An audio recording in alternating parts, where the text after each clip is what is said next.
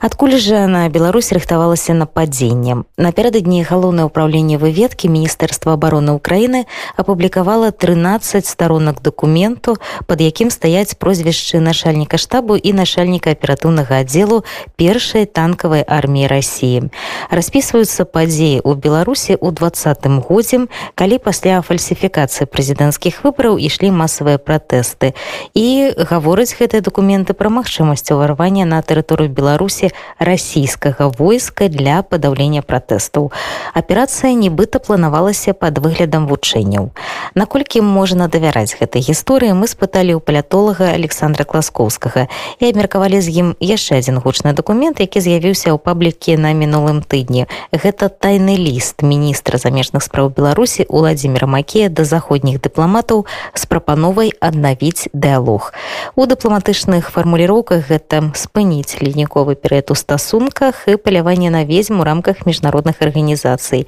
Рэакцыі з Бруселя ці іншых сталіц на гэты ліст я яшчэ не бачыла. Па-першае, хачу адзначыць, што пра ліст Макея мы можам меркаваць толькі паводле зліву сацыяльнай сетцы. Афіцыйна не прадстаўнікі еўразвязу не пацвердзілі што такі ліст быў. Але што более адметна беларускі бок афіцыйны мінск 8зс які любіць усё абвяргаць і называць фэйкамі таксама маўчыць як мыла з'еўшы таму падобна на тое што такі ліст сапраўды быў. Ускосна можна пра гэта меркаваць яшчэ і па тым что александр лукашенко пару дзён тому вось якраз пасля того як быў зліты гэты ліст вельмі рэзка выказаўся пра заходніх дыпламатаў сказаў что яны горшыя за фашыстаў. Мачыма гэта была такая эмацыйная рэакцыя якраз на тое что Еўропа вось таким чынам сябе павяла. Тое что далі журналісту магчымасць надрукаваць гэты ліст гэта такі ўскосны адказ еўразвязу а вось гэты жест афіцыйнага мінска. І гэты адказ палягае ў тым што Еўропа не верыць пустым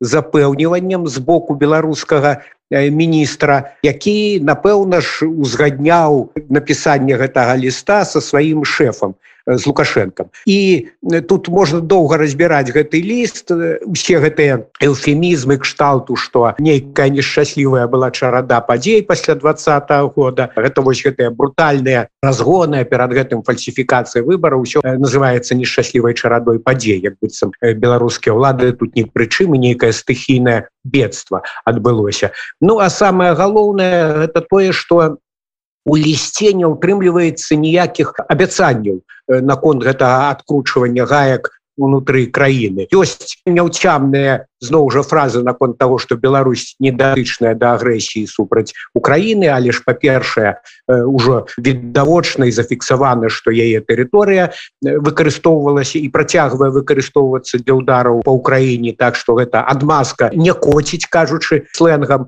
Ну і канешне зразумела что нейкі дыялог з захадам у сённяшніх умовах магчымы толькі пры умове сапраўды вызвалення палітвязняў ці абяцае гэта мінск цяжка сказаць але аб'ектыўна гэта для беларускіх уладаў вельмі моцны бар'ер так раней некалі беларускае кіраўніцтва як мінімум двойчы пасля прэзідэнцкіх выбараў 2006 і 2010 года калі спачатку наступаў такі ледавіковы перыяд шэнціла афіцыйнаму мінску пасля гэта размарозіць дачыненні праз тое што выпускаліся палітвязні. Паступова па чарзе але па-першае тады лік палітвязняў ішоў на десяткі максімум іх было значна меней тэрміны былі не такія страшныя і самое галоўнае что тады лукашенко пачуваўся болей упэўнена ўсё ж таки у яго была даволі вялікая і рэальная электаральная падтрымка. Для яго пачаць масавы выпускать палітвязняў тым болей знакавых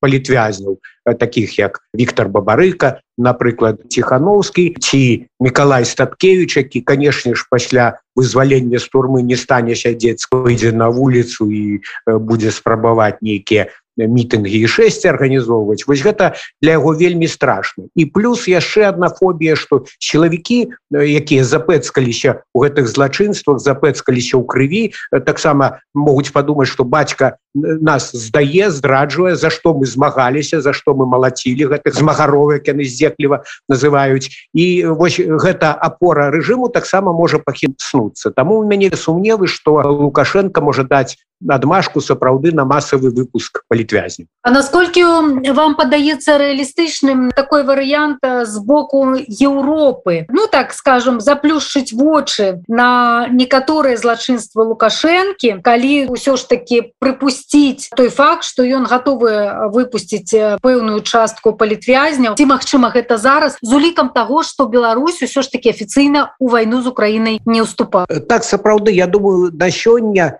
для Еўропы вось чыста беларускае пытанне як яно выглядала у двадцатым годзе яно ўжо адышло ў цень тому что ўсе там напалоханы гэтай вайной гэтай агрэсіяй супраць Украіны і тое что афіцыйны мінск спрабуе тут неяк манеўраваць і что лукашенко відавочна ўсяляк адкручваецца ад адпраўкі сваіх салдат ва ўкраіну. Гэта у Еўропе заўважаюць у прыватнасці. Я хочу нагадаць что нейкі час таму лукашенко тэлефанаваў прэзідэнт францыі макроны відавочна что гаворка ішла вось менавіта про гэтыя пытанні каб Беларусь хотя б ну у пэўнай ступені не пераходзіла чырвоную рысу і не адпраўляла свае вайсковыя кантынгенты туды в Украіну. Пакуль что лукашенко гэта удаецца і Мачыма у кагосьці ў Еўропе і мільга такая думка что можно было б на гэтай глебе згуляць неяк убіць клін паміж беларускім рэжымам і расійскім Ну але па-першае настолькі дыскрэдытаваны ўжо сёння лукашенко і макей таксама что ну з імі гуляць у гэтай агульні па-першае гэта як ты ж французы кажуць не камільфо і я думаю что ніводзін еўрапейскі палітык сёння не адважыцца і по-другое просто няма веры і няма веры ў тое што лукашенко нешта вырашае ў гэтым плане. І усім зразумела там на захадзе што ўсё вырашае Путін. Это было бачна і 24 лютага калі сам лукашенко быў трохі агаломшаны разгублены нават прызнаўся што сам з медыяў даведваецца пра гэтыя удары з беларускай тэрыторыі. Сапраўды Путін напэўна яго і не інфармаваў як след пра свае вось гэтыя агрэсіўныя планы. Гуляў у цёмную так бы мовіць і зразумела што на сёння лукашенко не наважыцца патрабаваць ад Пуціна адкрытым тэкстам вываду расійскіх войск з Беларусі Ну іншая рэч што мы бачым самі рускія перагрупавання змушаныя правялі яны адцягнулі ад Киева бо там захлынуўся гэты наступ. Войскі сканцэнтравалі іх для удараў на Донбасе на поўдні Украіны хочуць там дамагчыся хаця б нейкай лакальнай перамогі але гэта вынік того что украінцы далі ім по зубах а не нейкіх там асаблівых высілкаў лукашэнкі. У кожным разе о поўным выводзе на расійскіх войск з беларусі гаворка сёння не ідзе. Таму тут пытанне про тое ці наважыцца захад вось у таких хісткіх умовах калі як модна стала казаць амаль што страчана палітычная суб'ектнасць лукашэнкі калі яго лічаць многія там на захадзе ўжо поўнай марыянеткай крамля ці стануць яны весці гэту асобную гульню з лукашэнкам. Ну але вот у беларускага боку нейкія надзеі на гэта ёсць. Галоўнае ўправленне украінскай выведкі апублікавала дакумент аб тым што Росія гатавала напад на Беларусь. Вось як вы пракаментуеце з'яўлення гэтага дакумента насколькі ён магчымы і ці можна якімісьці палітычнымі стратэгічнымі мэтамі патлумачыць яго з'яўлення менавіта зараз. Ведаеце цяпер ідзе інфармацыйная вайна таму я асцярожна да таких вось зліваў зноў жа стаўлюся таму што абодва бакі і расійскі украінскі выкарыстоўваюць менавіта прыёмы інфармацыйнай войны. Тут Мачыма вайсковыя эксперты могли бы болей глыбока і кампетентна сказаць ці падобна гэта на рэальны такога кшталту документ тое что я бачу у сеціве там з вялікімі купюрамі ўсё гэта зроблена. І у мяне такое ўражанне что гэты документ заточаны вось под тую канешне міфалагічную сітуацыю что нібыта захад мог ажыццявіць напад на Беларусь это тое что лукашенко неаднойчы паўтараў у кантэксце вось гэтых падзеяў 2020 года что маўляў гэтыя ўсе пратэсты інспіраваныя захадам і что натаўцы могуць уварвацца у Беларусь под выглядам падтрымки гэтага дэмакратычнага руху гэтай дэмакратычнай рэвалюцыі. Таму что там вось у гэтым дакуменце ідзе гаворка про танкавыя войскі про тое что трэба там задзейнічаць при неабходнасці сістэму супрацьпаветранай обороны збіваць варожыя сродкі паветранага нападу там дроны гэтыя бпла і гэтак далей. Ну ведаеце у святланы ціхановскай не было дронаў не было сродкаў паветранага нападу. Таму мне здаецца что вось гэты документ калі ён і сапраўдны ён заточаны под гэту міфічную імавернасць наўпроставага вайсковага сутыкнення з натаўцамі. Аднаго боку лукашенко звяртаўся по дапамогу але гаворка наколькі я памятаю ішла про разгвардыю. Гэта трошки іншыя войскі. Ну і сапраўды ну не танкавымі ж дывізіямі душыць гэтыя пратэсты. Яны для гэта не прыстасаваныя гэтыя вось армейскія падраздзяленні яны заточаны под выкананне іншых задач а лукашенко па-першае у яго хапіла сіл для самастойнага здушэння гэтых пратэстаў. По-другое это спецыяльна навучаныя людзі дзеля того каб здушваць пратэсты. Вось такую дапамогу Путін сапраўды реально быў гатоў тады лукашэнку аказаць. І гэта сапраўды праблема якая толькі пазней амалявалася у жніўні два года. Відаць былі ілюзіі ціхановская там казала пра мудрага Пуціна думалі што Росія можа неяк павесці сябе нейтральна ў гэтай сітуацыі але мы бачым што пры ўсіх цёрках паміж лукашэнкам і пуціным шматгадовых калі настала такая крытычная хвіліна для беларускага хаўрусніка